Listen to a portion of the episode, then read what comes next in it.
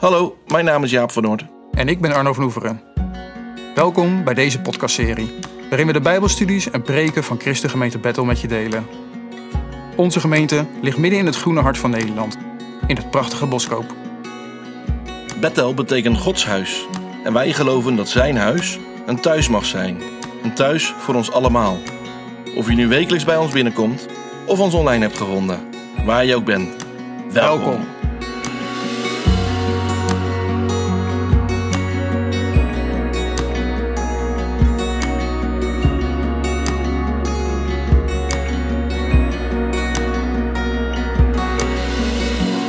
In deze derde aflevering kijken we opnieuw naar de kenmerken van de eerste gemeente.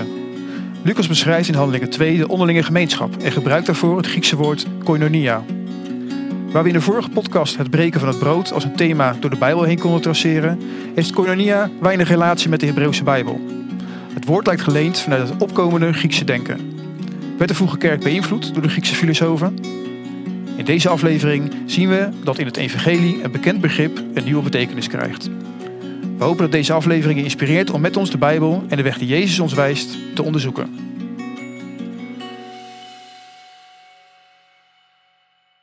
Goedenavond, allemaal. Leuk jullie weer te zien. Een paar nieuwe gezichten, ook leuk. Welkom.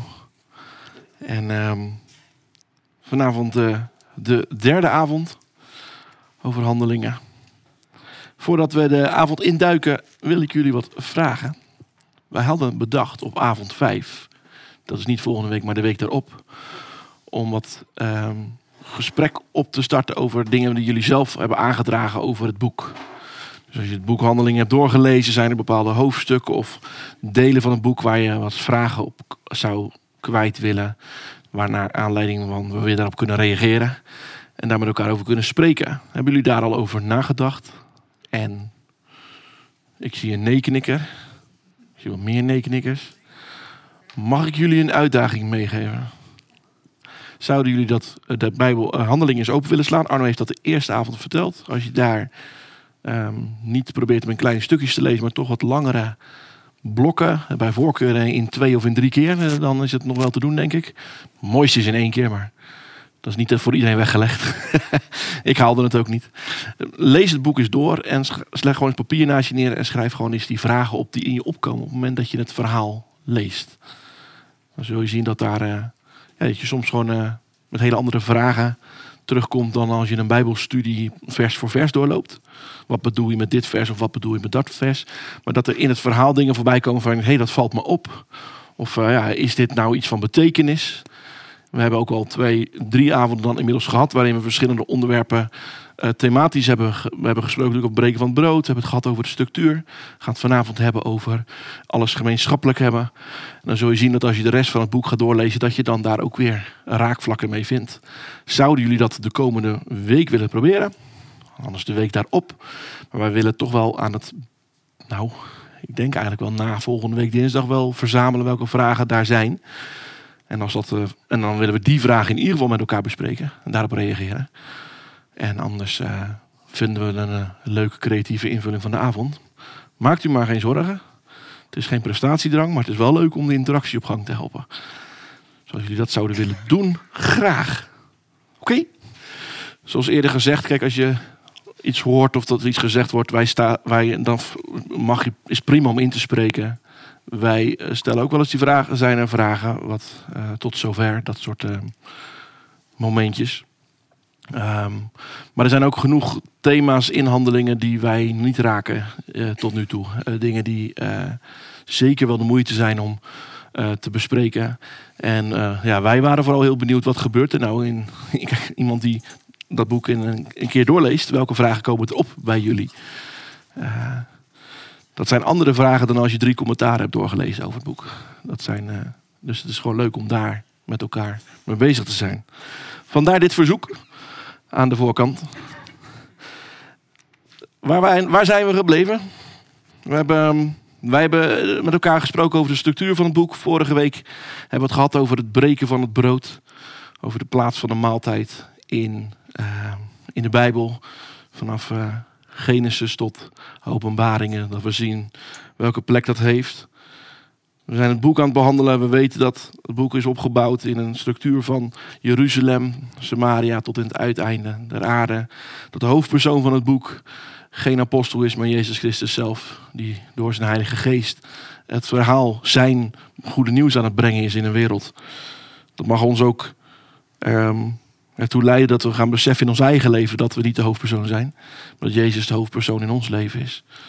Ehm, we hebben gezegd van dit boek is niet bedoeld als blauwdruk. Niet bedoeld om je wetten en, en regels uit te halen voor hoe je je leven moet inleven. Maar het is het verhaal van het werk van Jezus. Dat mag je inspireren en je mag er zeker uh, bij stilstaan en, en je afvragen wat betekent dit voor mij. Maar wij geloven dat Jezus ons vandaag leidt in ons leven. En dat hij ons uh, deze dingen heeft gegeven om over na te denken. Um, we hebben ik heb gister, vorige keer gesproken over die stelfiguren. Die eh, gebruikt worden om die aandacht op het, op het verhaal te leggen. En ik heb het gehad over het breken van het brood. Ik vind het heel bijzonder als ik nou nu even terugdenk hoe in het breken van het brood um, Jezus de beweging die, wij, die ik misschien ook wel natuurlijk heb. Op het moment dat ik denk, oké, zo is het oké om dan mijn deuren dicht te gooien. En dan zeggen, dit moet ik behouden. Dat Jezus het omdraait en ons weer leert om naar buiten te stappen. Uh, de deur weer open te zetten, aan tafel te gaan met mensen waarvan je dat misschien denkt dat dat niet zo handig is. Of dat je je zorgen maakt van, ja, is dit wel goed gezelschap? En dat Jezus zegt, maar de vraag is, ben jij goed gezelschap? En hij heeft het ons voorgedaan. Jij bent het gezelschap aan tafel. Net zoals dat, dat God Abraham en Isaac en Jacob zegen en hun liet maaltijden liet houden met de volk om hen heen met de Filistijnen, met, met koningen van, van, van, van Jeruzalem. Zo zijn wij nu zijn gezegend op aarde. Mogen wij maaltijd hebben met mensen die, ons, uh, die door ons gezegend kunnen worden. Dat is de omkering en het herstel wat door Jezus is, uh, heeft plaatsgevonden in het evangelie. En Lucas vertelt uiteindelijk in handelingen hoe dat zich beweegt. En vandaag gaan we verder. Gaan we kijken naar de prachtige woorden dat ze de onderlinge gemeenschap hadden. Voordat we dat doen, wil ik graag bidden. Dank u weer voor deze avond. Dank u dat we bij elkaar mogen komen en uw woord mogen openen. Dank u weer voor, uh, voor de schoonheid en de rijkdom en de diepte die we vinden in uw woord en in de verhalen. Als we ontdekken hoe de mensen voor ons met u geleefd hebben en wat zij ons dan weer mee wilden geven. Wat u ons wilde meegeven. Ik bid u zegen over deze avond. Komt u met uw liefde, met uw geest en met uw kracht in Jezus' naam. Amen. We gaan naar het, um, het middelste blokje van, uh, van dit gedeelte van Handelingen, waarin Lucas de onderlinge gemeenschap aanstipt en daarna de prachtige woorden opschrijft. Allen die tot geloof gekomen waren, bleven bijeen. En ze hadden alles gemeenschappelijk. Ze verkochten hun eigendom en bezitting en verdeelden de opbrengst onder diegenen die iets nodig hadden. Wat doet dat met jullie als je dat leest? Pijn in de buik. Wie, uh, oeps, hou. Andere tijd, ja. Ja, ja, eh, ik vind hem heerlijk. Uh, anderen nog die daar een... Uh...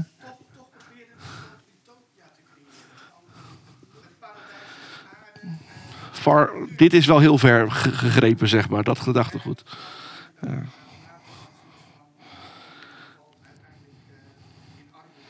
Dus wat, wat heeft het geholpen, zeg maar? Is jouw vraag. Ja, ja. Oké, andere gedachten? Ja. Je hoeft, je hoeft niet te sparen, zeg maar. Dat was de gedachte, ja.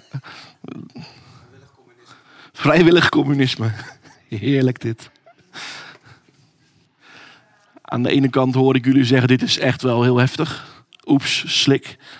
Uh, klinkt als, bijna als communisme, vrijwillig communisme uh, hoor ik. Ik hoor ook wel de gedachte, ja, hey, uh, ik probeer wel op een manier met deze boodschap om te gaan in mijn leven. En ik probeer de waarde aan te geven. Ik waardeer jullie eerlijkheid en openheid. Ik vind het echt wel heerlijk. Ik had het ongeveer zo omschreven. Um, als wij deze versie lezen, roept dat afhankelijk van onze persoonlijkheid een mix van respect, schuldgevoel en misschien ook wel een beetje weerstand op. Wij hebben tenslotte allemaal nog bezit en ook veel van ons vermogen. En wij zien ook wel dat het delen en zorgen voor diegenen die iets nodig hebben bewonderenswaardig is. Maar dat we niet kunnen zorgen voor al het onrecht dat we tegenkomen. En we weten ook wel dat het verkopen van alles wat we hebben onverantwoord dan wel economisch onverstandig is. En misschien grijpen we dan stiekem wel terug op les 1 en zeggen we ja, maar het is geen blauwdruk.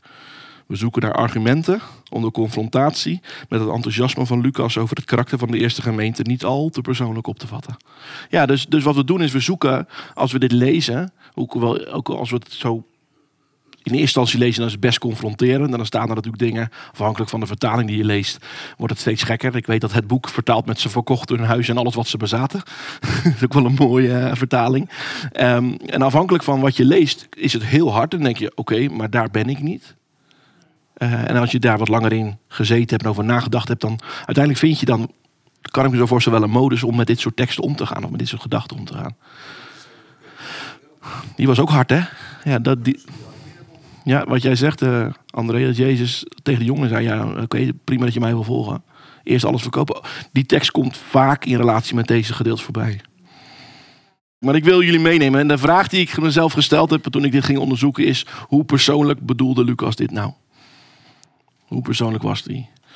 Ik kan jullie vast vertellen, het was meer persoonlijk dan ik dacht. Maar ook meer wonderlijk dan ik dacht.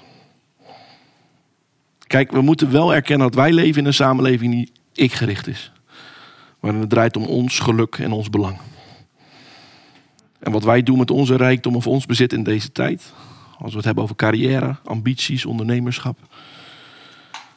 Als Lucas dan die gemeente omschrijft, dan, maak, dan voel ik toch de verplichting om dat te onderzoeken. En om me af te vragen, wat bedoelde je Lucas? En als je dat echt bedoelde, wat is dan mijn keus? Want geloof is geen denkoefening. Geloof is een doeoefening. Woordstudies. Daar kom je dan neer. Wat bedoelde Lucas? En de vorige keer heb ik een uh, woordstudie gedaan rondom maaltijden. En dan open je je Bijbel en dan ga je lezen. En dan vind je al die maaltijden. Of je ook op Google en je typt in maaltijden in de Bijbel. En dan kan je ze allemaal na gaan bladeren. En dat ging op zich best, uh, dat was best mooi om zo te zien hoe maaltijden door het Oude Testament in het Nieuwe Testament hun plek krijgen. Hoe verschillende woorden daarin bewegen. Uh, dus we kregen een beeld van de culturele waarde van een maaltijd hoe uniek die was in de zin van het breken van het brood. Maar die relatie tussen eh, woorden in het Nieuwe Testament en woorden in het Oude Testament is niet altijd even gemakkelijk. Soms zijn ze echt serieus meer uitdagend. En dat is niet vreemd, want het zijn uh, geschriften die uh, best ver uit elkaar liggen in de tijd en in de cultuur. We hebben een Oud Testament wat is geschreven in het Hebreeuws en het Aramees. Een Nieuw Testament in het Oud-Grieks. En die, die, die teksten die, uh, zou je niet zomaar bij elkaar kunnen brengen. Ik weet niet of je wel eens geprobeerd hebt om een 400 jaar oud Nederlands te lezen. Dat is nog, dat is nog dezelfde taal. maar dat is echt moeilijk. Ik weet nog dat ik een boek opensloeg in een antiekwinkel van een oude Bijbel. En ik dacht, ik ga Genesis 1 lezen, want ik weet toch wat daar staat. Dat lukte niet. Dat was gewoon te moeilijk. Um, dus de uitdaging is als je je afvraagt en je kijkt naar deze, naar deze teksten, um, dan zie je wel dat er heel veel vertalingen zijn van de Bijbel. Ik heb er hier een aantal genoemd: het Latijns, Syrisch, Koptisch, Byzantijns. Het zijn prachtige vertalingen in de tijd. Um, maar voordat je komt bij een moderne vertaling die één op één echt een, uh, op, de, op de originele tekst past, dat is een grote uitdaging. Ik wil jullie wat laten zien wat een leuk voorbeeld is van hoe een, uh, wat een hulpmiddel kan zijn bij een vertaling. Wie van jullie herkent dit plaatje? Wat je hier ziet is een hele groot zwart steen. Heel goed, een steen in Egypte. Jij kent je geschiedenislessen. Ja? Ja. Juist, de steen van Rosetta is dit. Nou, werd net al even, ik ga hem nog even samenvatten. Dus dit is een steen die uh, in de tijd van Napoleon is gevonden. Maar deze steen dateert uit 200 zoveel voor Christus. En deze steen was een uniek stukje geschiedenis. Wat uiteindelijk um, geholpen heeft om een onbegrijpelijke taal, namelijk de hieroglyphen van de Egyptenaren te lezen. Wat was dit? Dit was een, een, een steen die is opgesteld door een Egyptische farao. het is eigenlijk een persconferentie, maar dan anders. En um, op deze steen stond een decreet van hem, een, een, uh, een, boodschap aan het land. Maar zijn land was groter dan één taal. En dus liet hij het in drie talen op die steen zetten. En omdat het op drie talen op die steen stond, kon dus zowel een bezoeker uit zijn eigen regio als een bezoeker uit, Griek, uit Griekse gebied kon in Egypte die boodschap lezen. Maar hij had dat ook in de hieroglyphen erop laten zetten, omdat dat tenslotte de oorspronkelijke taal was. Toen in de tijd van Napoleon deze steen gevonden werd, toen hadden ze voor het eerst een stukje tekst wat zowel de ehm, oud-Griekse tekst had, die, waar we wel vertrouwd mee zijn, uh, als uh, de hieroglyphen. En dat was de eerste keer dat er, een, dat er een schakel lag tussen twee culturen, twee teksten. Uiteindelijk denk je, nou dan zijn we er. Nou, dat duurde ongeveer 23 jaar voordat uiteindelijk dat hieroglyphen schrift was uitgepuzzeld. Maar het laat wel zien hoe uh, belangrijk het is om twee teksten naast elkaar te kunnen vinden en daar dus een schakel te kunnen vinden tussen verschillende tijden. Die steen werd in, 19, of 1799 gevonden en 23 jaar later kon men eindelijk de hieroglyphen van, uh, van de Egyptenaren lezen. Nou is de Bijbel ongetwijfeld het meest vertaalde en best bewaard gebleven geschrift uit de oudheid. Natuurlijk is dat een goede claim om hier te leggen. Maar als je het echt op een rijtje zet, er is zo ongelooflijk veel materiaal overgebleven. Oude manuscripten. De originele teksten zijn te oud om ooit nog te kunnen vinden. Maar de manuscripten zijn kopieën van teksten. En er zijn er meer manuscripten van de Bijbel dan, uh, dan dat er van elke andere uh, grote oude beschaving zijn. Deze manuscripten zijn vaak dus inderdaad wat ik zei, die Syrische, die Koptische en de Byzantijnse vertalingen. En wat hun deden was um, delen van het Oude Testament nemen en dat weer samenvoegen of weer veranderen om het verhaal te vertellen. En dat waren dus niet zozeer echt uh, één op één vertalingen, uh, maar wel fragmenten. Kom je ook een heel eind mee. Maar het mooiste wat er ooit gemaakt is, als je kijkt, als je kijkt naar de oude geschriften, um, dat is de schakel, de steen van Arletta, voor wat betreft de Bijbelgeschiedenis. En die kennen wij tegenwoordig als Septuagint. Dat is een vertaling van, de, van het Oude Testament, gemaakt door rabbijnen die vertrouwd waren met het Hebreeuwse Oude Testament in de taal van de Oud-Grieken, dus de Oud-Griekse taal. Dan heb je dus mensen die volledig vertrouwd zijn met de Bijbel, die hun best doen om hem in een taal te zetten die binnenkomt. Dus een nieuwe taal eigenlijk, een, een nieuwe generatie. En dat eh, betekent dus dat wij als Bijbelliefhebbers niet een steen van Arlette hebben, niet een fragment, maar de volledige vertaling, of in ieder geval een, ja, een volledige vertaling van het Oude Testament in een taal die ons veel meer vertrouwd is. Um, dat ziet er ongeveer ik beveel dat te klikken en mooi is dat. ziet er ongeveer zo uit. Als je deze, deze tabel van links naar rechts bekijkt, dan zie je in de bovenste ronde zie je het Oude Testament voorbij komen, waarin dus Hebreeuwse Bijbelrollen zijn geschreven. En in de onderste kolom zie je het Nieuwe Testament, wat in de eerste eeuw na Christus is geschreven in het Oud-Grieks. Maar het Oude Testament is in de derde eeuw voor Christus in diezelfde taal, of in ieder geval in diezelfde taalgroep geschreven. En daarmee hebben wij een schakel vanuit de nieuwe vertaling via oude talen, via het uh, Septuagint terug naar de Hebreeuwse grondtekst. En dat is waarom je in de kerk vaak hoort uh, dat, dat, het Griekse woord daarvoor is dit en het Hebreeuwse woord daarvoor is dat. Dat, dat, dat, dat linkje wordt heel vaak over de kansel heen gegooid. En ik vond dat op zich uh, altijd wel interessant om dat te horen. Maar nooit echt erbij stilgestaan. Ik vond het leuk om met jullie te delen waarom dat nou zo belangrijk is. Het is niet alleen maar dat er een vertaling is, maar die vertaling is gemaakt door 70 rabbijnen, zegt de overlevering. Maar in ieder geval, het is gemaakt door rabbijnen die zelf volledig vertrouwd waren met de Hebreeuwse Bijbel. En zij hebben de woorden gekozen die wat hun betreft het beste pasten bij het verhaal. En ze hebben daarin best wel leuke keuzes moeten maken, of lastige keuzes moeten maken.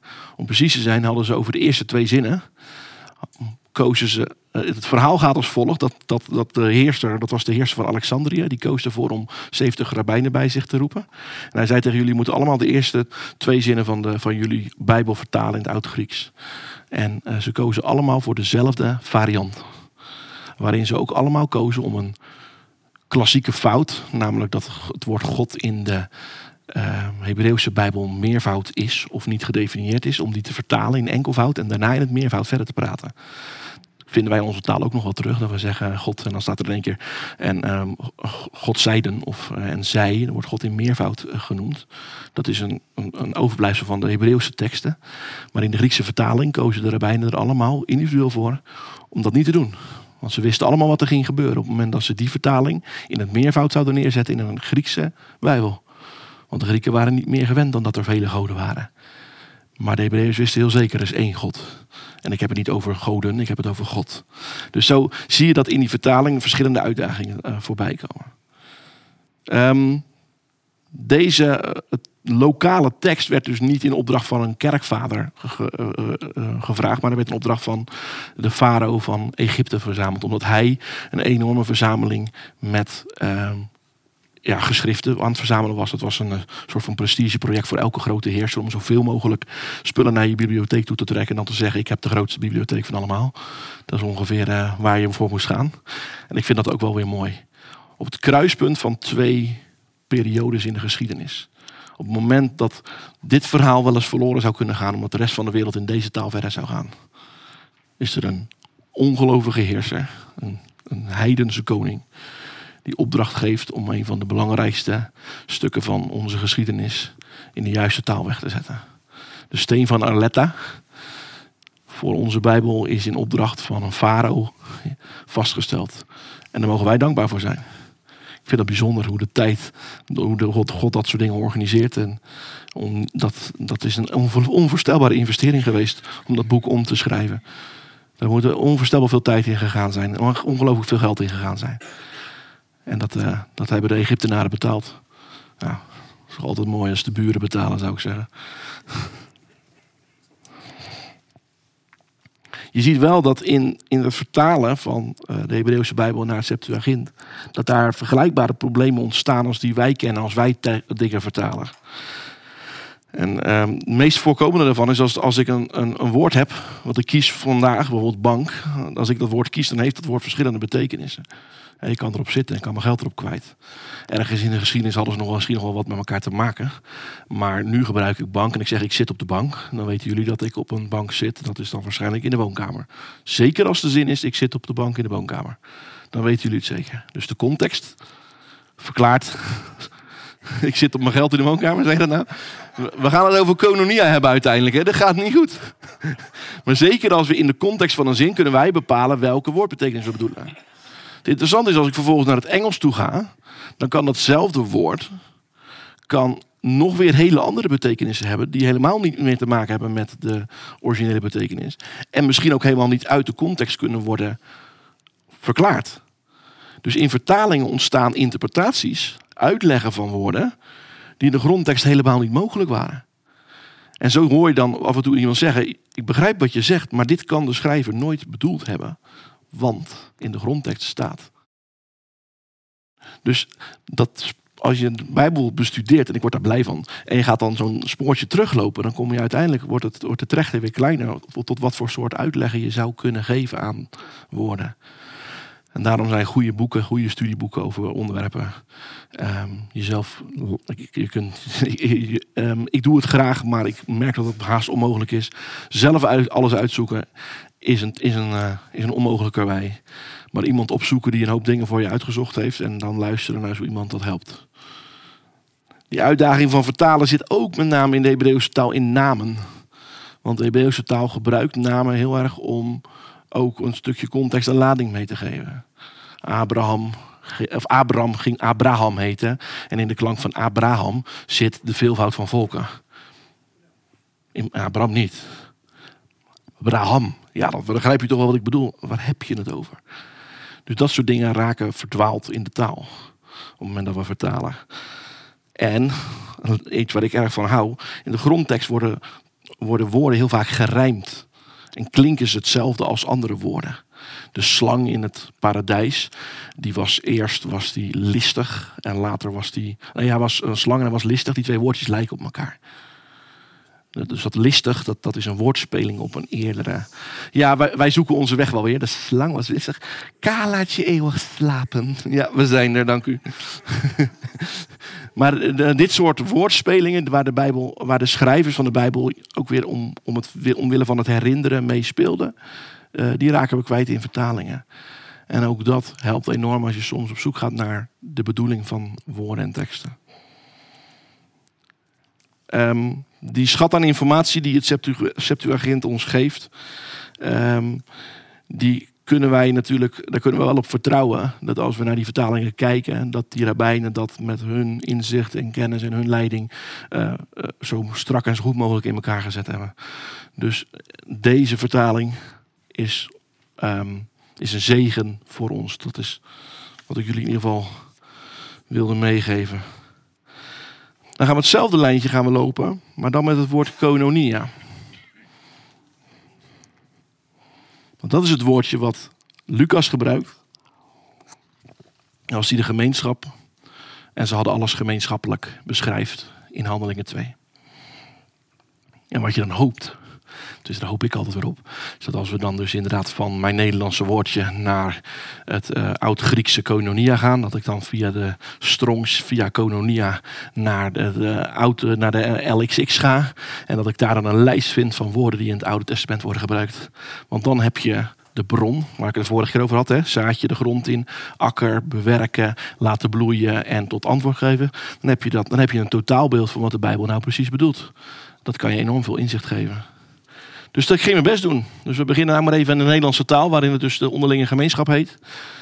Dan stap ik één stap deze kant op en kijk ik altijd nog even naar het Engels, omdat daar nog wat meer informatie beschikbaar is. En dan hebben we het over fellowship. Dat kennen we ook wel. Letterlijk vertaald gezamenlijk in een boot. We zitten in hetzelfde bootje. Dat zouden we een kunnen maken. Dan zien we dus inderdaad dat in de Biblia, in de, uh, in de Bijbel, de Griekse Bijbel, sorry, het woord koinonia wordt gebruikt.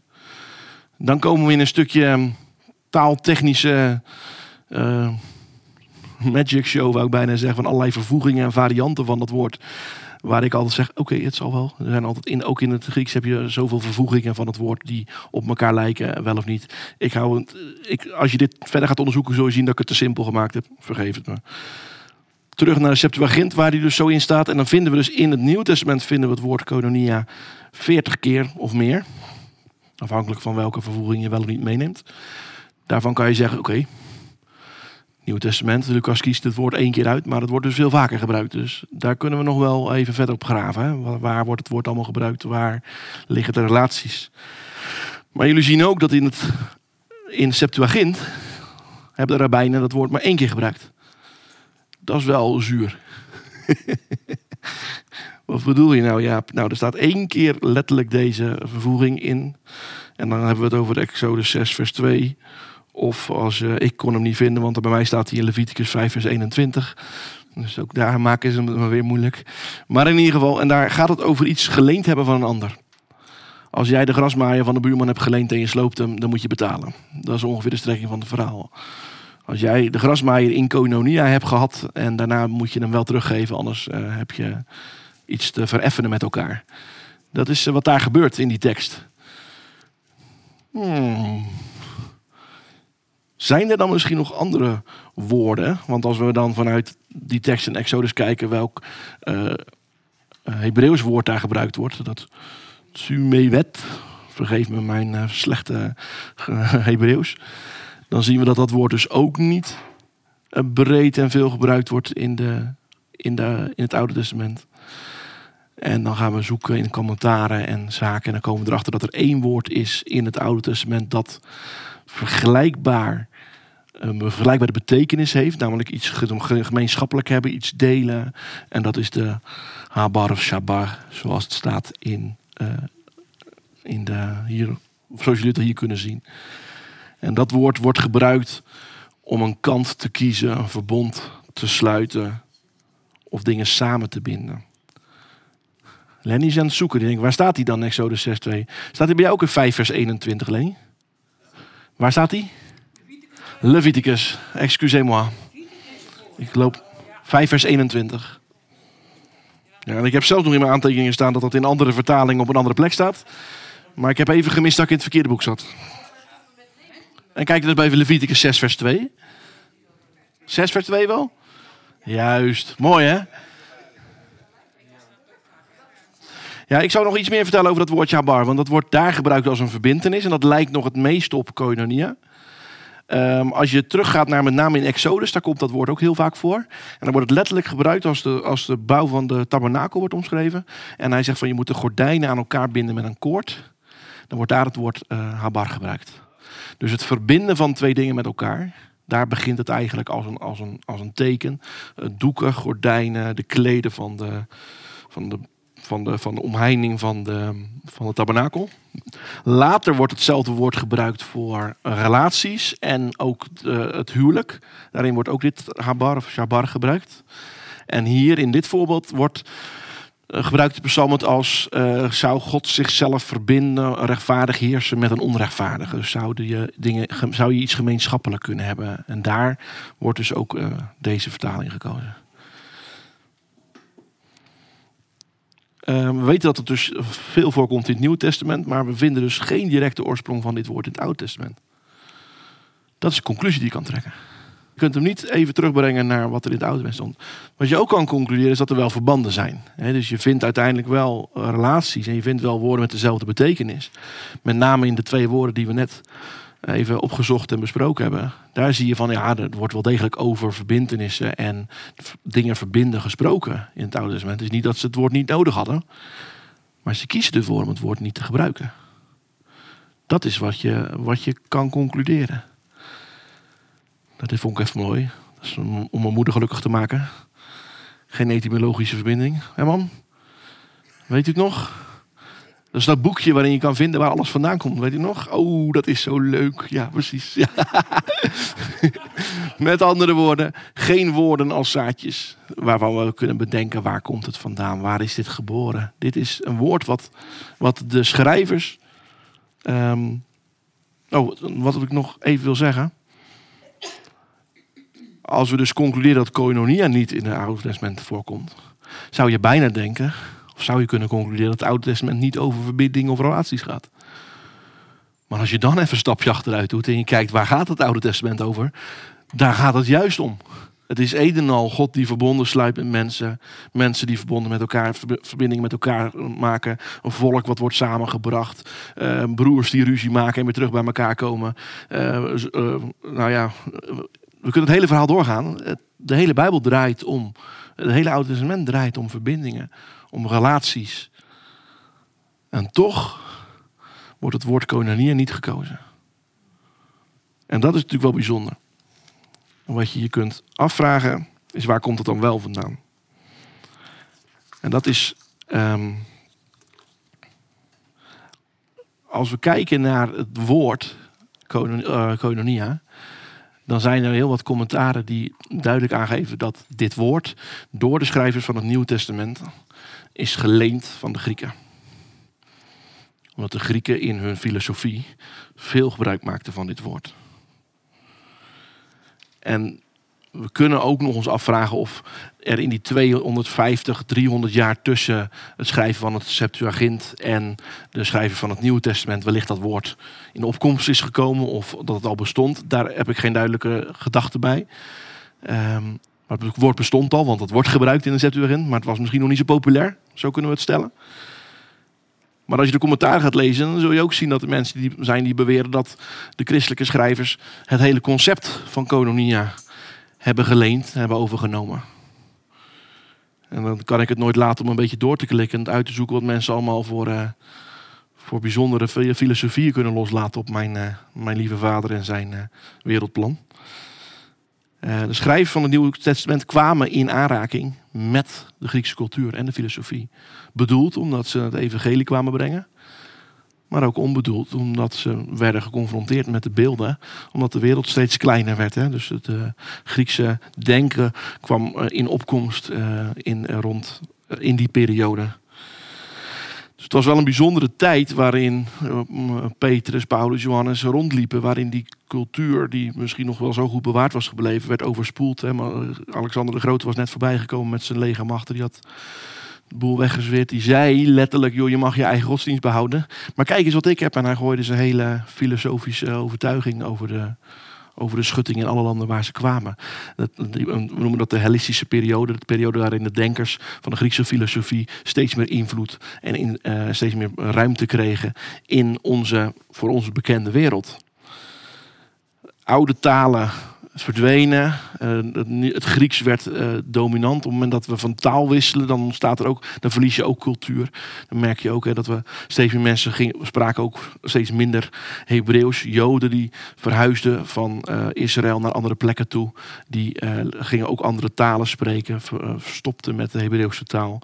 We zien dat die hele cultuur door elkaar heen begon te haspelen. Maar betekent dat dan dat koinonia geen Bijbels principe is? Dat is dan de claim. Maar dat is spannend om te zeggen, want het feit dat de schrijvers van de Bijbel praten in dezelfde verhalen en dezelfde woorden als hun omgeving, wil niet zeggen dat ze dezelfde gedachten en dezelfde overtuiging hebben als hun, als hun omgeving. Ik hou er zelf van om dingen te onderzoeken, nieuwe dingen te leren. En als ik ga kijken naar hoe uh, als ik een beetje doorklik op andere oude beschavingen, andere oude saga's en gedachtegoeden, dan word ik geconfronteerd met alternatieve versies. Het scheppingsverhaal wordt in heel veel andere culturen ook verteld, alleen net iets anders. Het, zon, het zonvloedverhaal is bekend in andere culturen. Uh, hemelvaart, uh, de maagdgeboorte, al dat soort dingen. Als jij je deurtje openzet en je komt in aanraking met mensen die daar geïnteresseerd en enthousiast over zijn, dan, dan kan het je overkomen dat je denkt, wat gebeurt hier? Ik dacht dat dit uniek was voor mijn Bijbel en mijn verhaal. En wat ik jullie wil meegeven is dat niet dat die verhalen zo breed in de geschiedenis bestonden, maar juist het onderzoeken van de verschillen tussen hoe de, de Joodse schrijvers en de uh, apostelen het vertellen en hoe hun tijdsgenoten het verhaal vertellen. De verschillen laten je zien wat de bedoeling is. En het woord kolonia is daar vanavond een voorbeeld van. We gaan zo meteen richting de koffie, gaat dat lukken? En daarna gaan we kolonia bekijken. Wat bedoelde de Griekse filosofen? En wat lezen we in het Nieuwe Testament? En dat verschil, dat maakt dat we uniek zijn in de wereld waarin we leven. De, Bijbel, de, schrijver van het Nieuwe Testament kozen er niet voor om hun deuren dicht te gooien en hun eigen verhaal te blijven vertellen. Ook al dat de rest van de wereld uh, sprak dan zeg maar Babylonisch en hun waren de, de, spraken hun eigen taal. Ze gingen het verhaal vertellen in de woorden, in de taal, in de boodschap van de wereld waarin ze terechtkwamen. Net zoals de maaltijd gaat de deur niet dicht, maar de deur gaat open. Maar als we het toch over kolonia hebben, zei Paulus, zal ik je vertellen waar de ware gemeenschap vandaan komt. En zo gingen de schrijvers van het Nieuwe Testament hetzelfde verhaal opnieuw vertellen. Maar dan met de, met de boodschap van het evangelie erin. Dus het vergelijken van verhalen en woordgebruik helpt juist om te begrijpen wat de boodschap is en wat ons uniek maakt in onze wereld. En um, dat gaan we zo meteen doen. We gaan het hebben over een Griekse denker en een apostel. En we gaan aan het einde van die twee werelden kunnen we een conclusie trekken over hoe Lucas dat bedoeld heeft. En dan zijn we eindelijk weg bij de vraag: wat moet ik met mijn huis? Maar dan kom je bij de vraag: wat moet ik met mijn leven?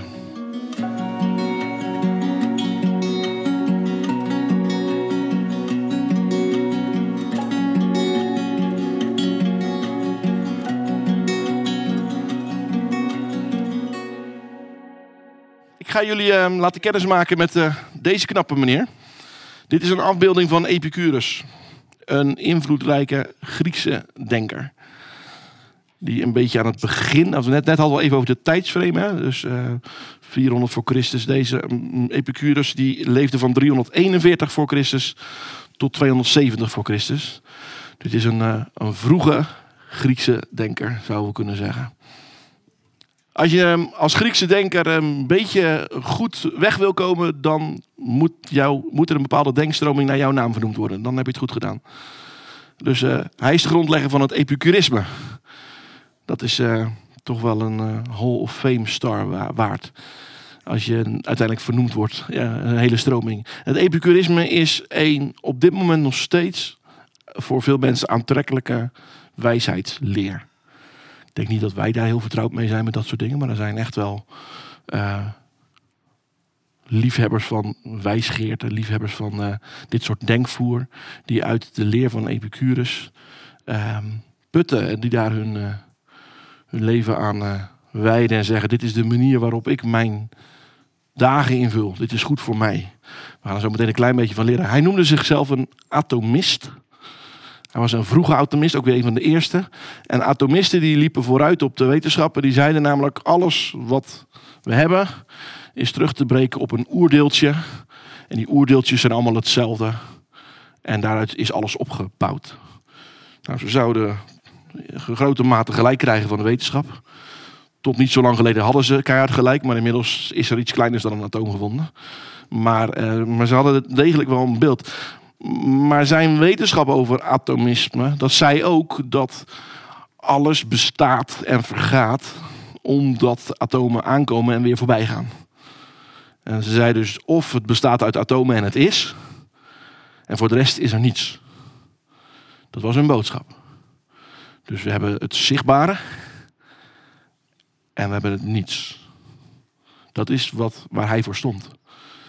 En ik hoef denk ik niet al te lang uit te wijden om je te vertellen. Ik geloof in ieder geval dat we het zichtbare hebben en het onzichtbare. Deze man had alleen het zichtbare en de rest was niets. Had hij dan geen beeld bij goden? Ga ik dat later nog zeggen? Ja, zo meteen ga ik het ook zeggen. Maar hij had wel een beeld bij goden, maar goden waren ook zichtbaar, maar leefden in een andere wereld parallel aan die van hun. Zo was zijn beeld. Goden waren ver weg, bemoeiden zich niet met hun wereld. En ze gingen niet dood omdat ze geen last hadden van atomen die vergingen. Hun atomen bleven gewoon bestaan, want die slijten niet. Dat was zijn gedachtegoed daarbij. Dus dat loste hij zo op. Bijzondere dingen als we, het zo, als we dit soort dingen horen, maar zometeen zul je merken hoe dichtbij dit gaat komen. Hij was zeer invloedrijk.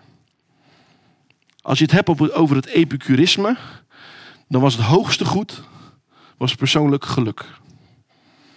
Daar draait het leven om voor een epicurist. Als je de Facebookpagina van de International Order of Epicurism opent, dan zeggen ze: Welkom, je zit hier goed, want wij gaan voor geluk. Nou, ehm, op zich denk ik, ja, ik, ik wil ook gelukkig zijn. Dus en hij was ook nog wel zo slim om in zijn, ehm, in zijn uitleg van hoe je dat dan zou willen bereiken, om een verschil te maken tussen uh, directe bevrediging van je behoeften en lange termijn geluk. Hij zei, je moet dingen met mate doen. Want uiteindelijk, als je alles nu naar je toe trekt, dan verlies je dat op termijn. Niet overdadig eten, niet overdadig uh, drinken, niet overdadig. Alles gewoon met mate, want dan kom je uiteindelijk in een staat terecht waarin je jezelf gelukkig kan voelen. Dus nou, nou dat klinkt alweer uh, als de wijsheid van, uh, van grootmoeder. Vervolgens zegt hij, als je gelukkig wil voelen, dan komt er een keer die vraag van de dood op je pad. En daarover zegt hij, dat bestaat niet. Die goden die hebben niks te maken met ons. En als we zo meteen vergaan, dan vallen onze atomen weer uit elkaar en dan is het weer voorbij. Simpel als dat. Dus je moet ook niet bang zijn voor de dood. Want de dood is niets. Dat is zijn boodschap. Vervolgens zegt hij in het leven, als je naar geluk wil streven, dan is er, en dan, hij heeft een hele serie van uitleggen wat hij wil, dan is daar koinonia een belangrijk middel om gelukkig te worden. En dan komen we dus bij de leer van hem over koinonia. Nou kan ik het natuurlijk heel, heel erg gaan verdiepen, maar dat schiet niet zoveel mee op. We kunnen Koinonia terugbrengen naar een aantal stelregels. Ik heb gewoon even rondgekeken in wat verschillende enthousiaste epicuristen. En dit is wat ze mij vertellen over de zes regels van Epicurus voor Koinonia. Dat is wel leuk hè? Stap 1. Tijd met vrienden besteden en intellectueel sparren met elkaar. Dus zoek vrienden op en ga gesprek aan. Verdiep je. Lekker met elkaar omgaan. Dat is het eerste wat belangrijk is volgens Epicurus. Studeren, leren en het uitoefenen van de leer van Epicurus. Dat helpt je om gelukkig te worden. Dat is kodonia. Maar ook heel iets anders. Namelijk elkaar eren met cadeaus. Elkaars verjaardagen en elkaars prestaties vieren. Een gemeenschap, een kononia, een groep, kan alleen maar gelukkig worden als je elkaar kent en met elkaar spart. Als je uh, gezamenlijk leert en studeert. En als je viert, als je jarig bent, elkaar eert met cadeaus en dingen. Dat is super belangrijk. Dit is hoe koinonia jou gaat helpen om gelukkig te worden. Je moet elkaar helpen als het nodig is.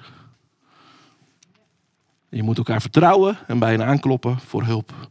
Dat doe je in jouw groepje, in jouw koinonia. En als je goed bedoeld iemand corrigeert, dan gebruik je zachte woorden om een harde boodschap te verzachten. En dit zijn de zes basisregels voor een goede gemeenschap om die te bouwen. Klinkt goed, toch?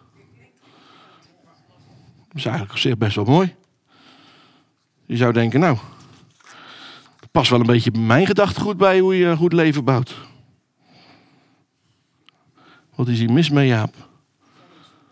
Nou, heb je het wel eens geprobeerd? Goed bedoeld. Epicurus die sluit deze doctrine, dus dit verhaal wat hij heeft, sluit hij af met de volgende woorden. Als wij ons kasteel van de ziel hebben gebouwd en ons hebben omringd met gelijkdenkenden, dan zijn we in staat om te genieten van de gemeenschap van vrienden. Dit is zijn overtuiging, dat als jij het kasteel van jouw ziel hebt gebouwd en je hebt omringd met gelijkdenkenden, dan kun je genieten van de koinonia en van je vrienden. En als we eerlijk zijn, klinkt dat eigenlijk wel heel erg aannemelijk. En als ik hier naar kijk, dan denk ik, dit is wat er ook gebeurt. In heel veel groepen, gezinnen, sportclubs, universiteiten, politieke verenigingen, kerken. Dit is wat er gebeurt. Wij omringen ons met gelijkdenkenden. En dan voelen we ons comfortabel. Kunnen we lekker met elkaar intellectueel sparren. Kunnen we lekker met elkaar leren en studeren waar we het met elkaar eens zijn. We vieren feestjes met elkaar. We vieren dingen. We helpen elkaar als het nodig is. We vertrouwen elkaar. En we zijn lief voor elkaar, ook al is de boodschap hard. Dan worden we vast en zeker gelukkig. Je hoort het al in mijn stem.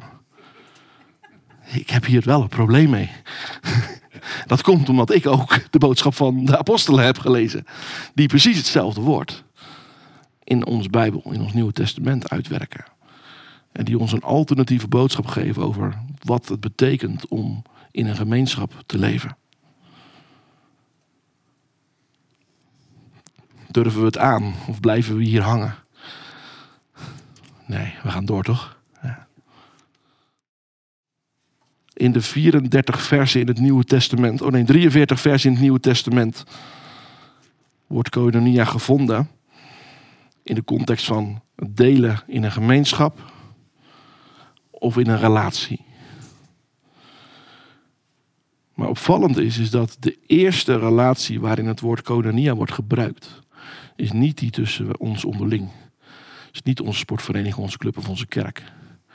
Koinonia wordt in eerste instantie, of in ieder geval in een groot gedeelte van de verwijzingen in het Nieuwe Testament gebruikt voor de relatie die wij hebben met God.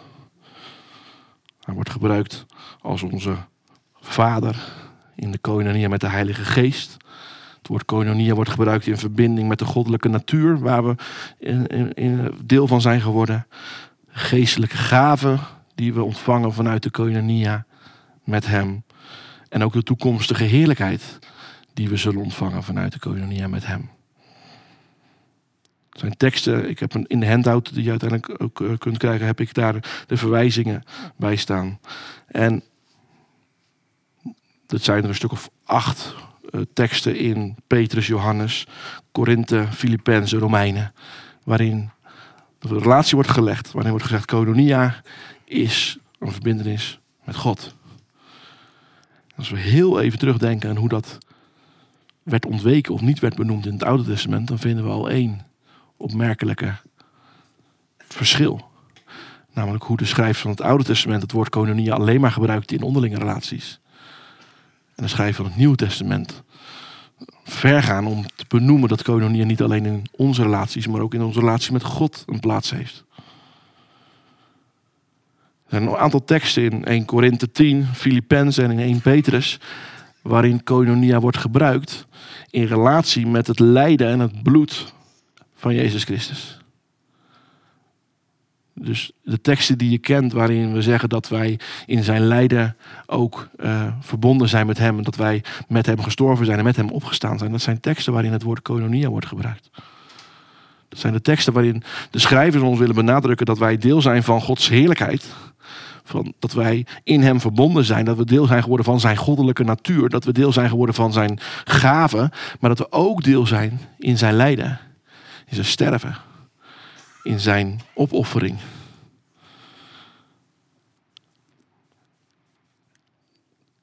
Dan vervolgens zetten we daar de teksten tegenover die gaan tussen onze onderlinge relaties. En dan zie je diezelfde tweeslag ontstaan. Wij delen in kononia met medegelovigen. Wij delen het geloof als gemeenschappelijk deel. Wij delen onze menselijke natuur als gemeenschappelijk. Een pure beschouwing zou je bijna kunnen zeggen. We zijn tenslotte allemaal mens. Maar we delen ook een opdracht. Ook daar wordt het woord koning gebruikt. En we delen de genade die we kunnen delen. En dan vervolgens zie je dus dat zowel in onze relatie met God, waarin het gaat om deel van zijn goddelijke natuur en deel van zijn lijden, wordt ook in de onderlinge relatie tussen mensen, wordt zowel uh, deelgenoot van elkaar in de opdracht, het geloof en de genade, zijn we ook deel van elkaars lijden en elkaars troost. Teksten die we het kunnen vinden in Galaten, Hebreeën, Filemon, Filippenzen, Romeinen, Korinthe, Johannes.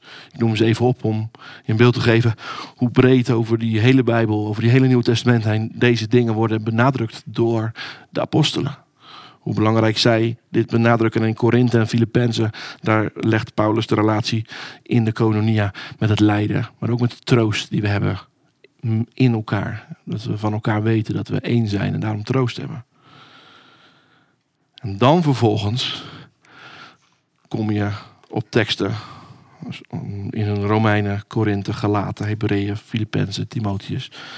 Over dat we een gezamenlijke materiële behoefte hebben. Dat we elkaar ondersteunen in, met geld en middelen. Ik heb ze natuurlijk bewust in deze volgorde gezet. Je ziet dat ik over de hele Nieuwe Testament heen die teksten uit elkaar heb, getrokken. Voor mij is er een groot verschil tussen de kononia die we lezen in de Griekse filosofie en de kononia die we lezen in het Nieuwe Testament. En dat grote verschil is dat de kononia in het Nieuwe Testament niet eentje is tussen mensen onderling, maar eentje tussen God en mensen. Je ziet ook dat de schrijver van het Nieuwe Testament totaal anders kijken naar iets wat gemeenschappelijk is. Ik denk dat als wij aankomen bij uh, Handelingen 2, vers 44, en we worden geconfronteerd met: ik heb nog steeds mijn geld in mijn zak zitten en wat betekent dat? Dat we aan de verkeerde kant van de, van de keten zijn begonnen te denken. Lucas die was diep onder de indruk van wat hij zag gebeuren in die eerste gemeente. En hij benoemt dat wat voor hem het bewijs is dat Gods verbinding echt daadwerkelijk tot stand is gekomen. Want zelfs deelden ze alles met elkaar. Ik weet niet met wie ik er laatst over sprak. Maar als ik zie dat mijn kinderen tekort hebben. En dat betekent dat ik mijn huis moet verkopen zodat zij van de straat af kunnen. Dan doe ik dat. Als ik zie dat mijn broers of zussen of mijn neefjes tekort hebben. Dan haal ik wat dieper adem maar dan doe ik dat. Omdat het dichtbij is, omdat het je familie is. Je laat je kinderen niet verhongeren. En je laat je neefjes en je nichtjes toch niet op straat eh, staan. Dat, dat is geen optie. En als mensen in mijn gemeente tekort komen, voel ik dan diezelfde verbondenheid. Die ik ook voelde toen het om mijn eigen kinderen ging. En waar zou dat vandaan moeten komen? Want waar haal ik de liefde vandaan om zoveel te houden van mensen die zo ver bij mij vandaan staan, als ik eerlijk ben? Als de liefde die ik heb voor mijn eigen kinderen.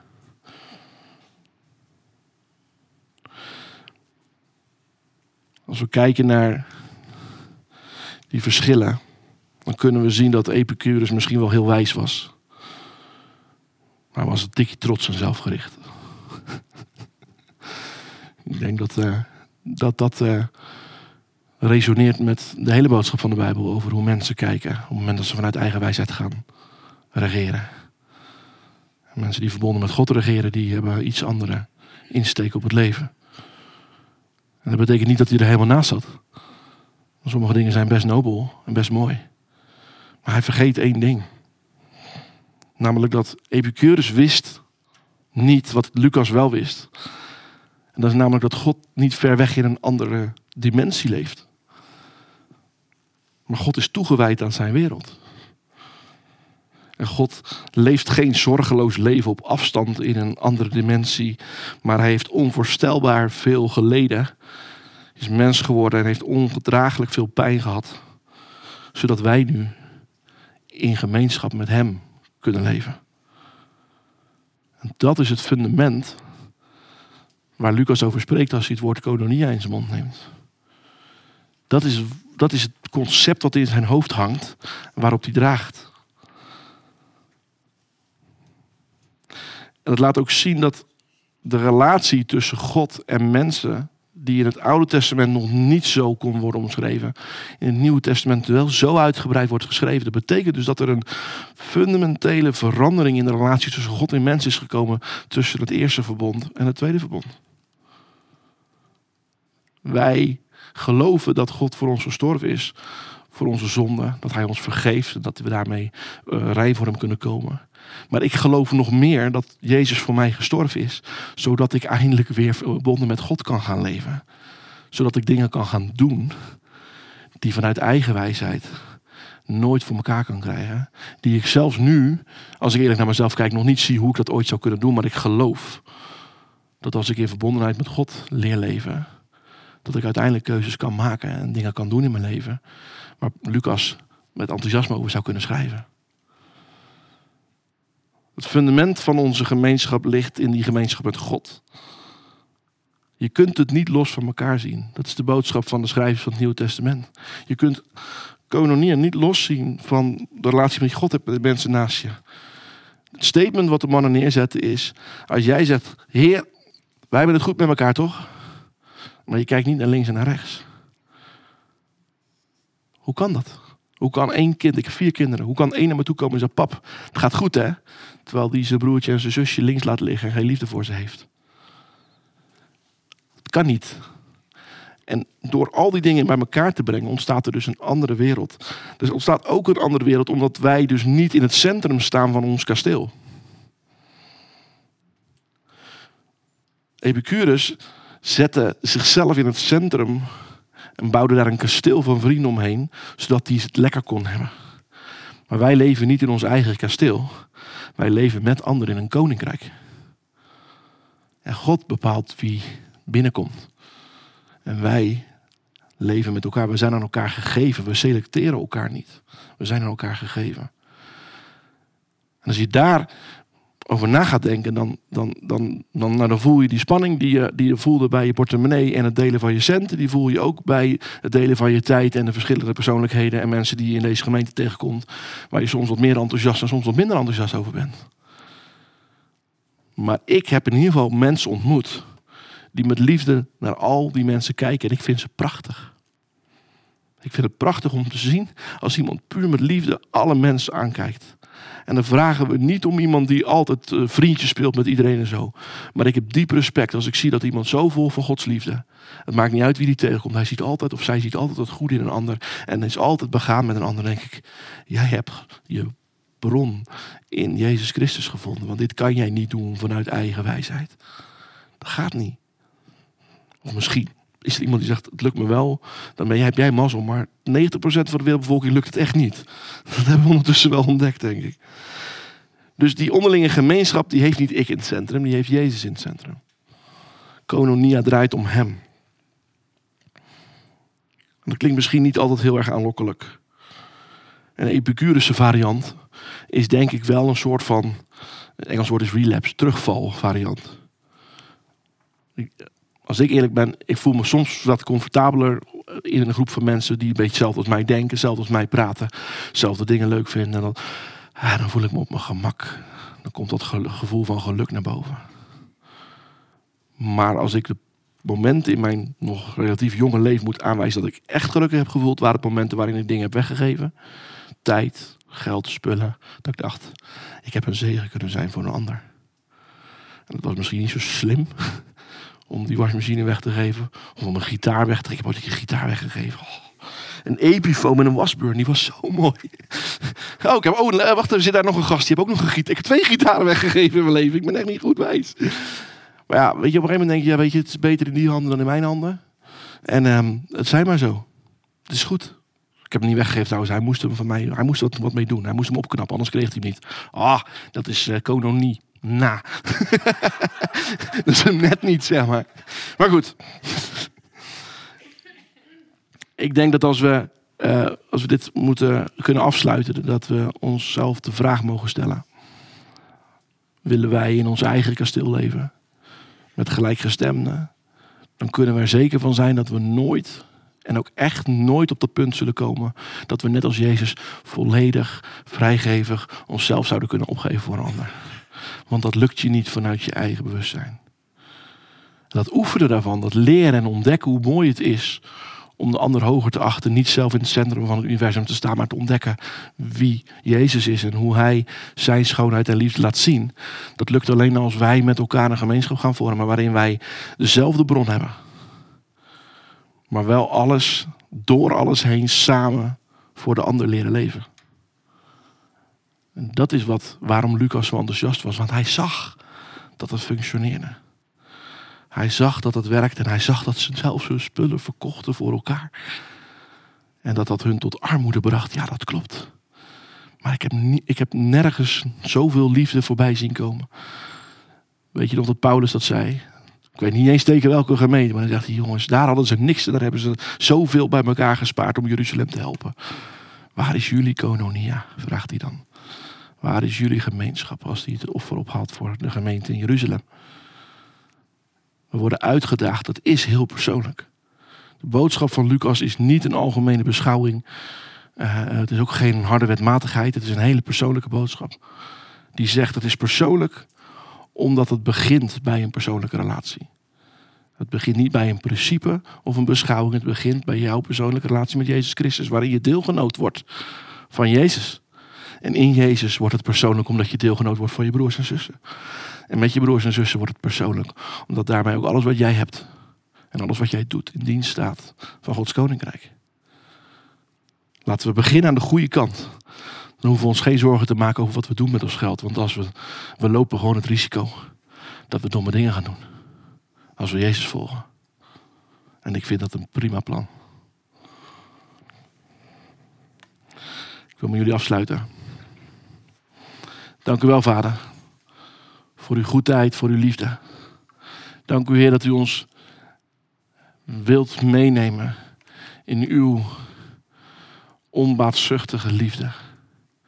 In uw ongelooflijke zelfopoffering.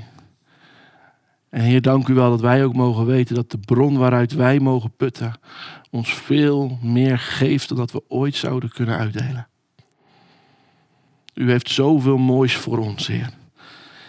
Als we u leren kennen, dan weten we dat we mogen delen in uw heerlijke eeuwigheid. We weten dat we mogen delen in de gaven en de rijkdom die u ons vandaag geeft. De rust, de liefde, de vrede. Het weten dat we geliefd zijn.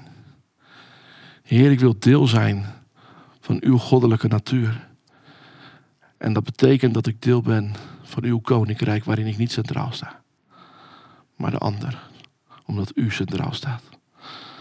Heer, ik bid zoals we hier zijn, dat we deze woorden, deze gedachten mee mogen nemen naar huis. En dat we daarover na mogen denken. Ik vraag niet, Heer, dat we het allemaal aannemen zoals ik het gezegd heb. Want dan zou het weer wijsheid in ons hoofd worden of kennis. Maar ik bid, Heer, dat u het met uw geest zult bewerken in ons hart. Dat het een boodschap van uw hart zal zijn. Dat u het bijbuigt waar nodig. En dat u het aanvuurt waar dat kan. En dat we mogen leren leven als een gemeenschap. Met u als bron. Samen door alles heen. In Jezus' naam. Amen. Bedankt dat je hebt geluisterd naar deze podcast. De volgende keer gaan we verder met deze serie over handelingen. Audio, productie en muziek wordt verzorgd door Ruben van der Laagmaat. Voor vragen of opmerkingen kun je mailen naar contact.bettelboskoop.nl.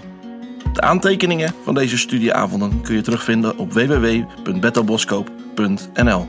Dankjewel voor het luisteren en tot de volgende aflevering.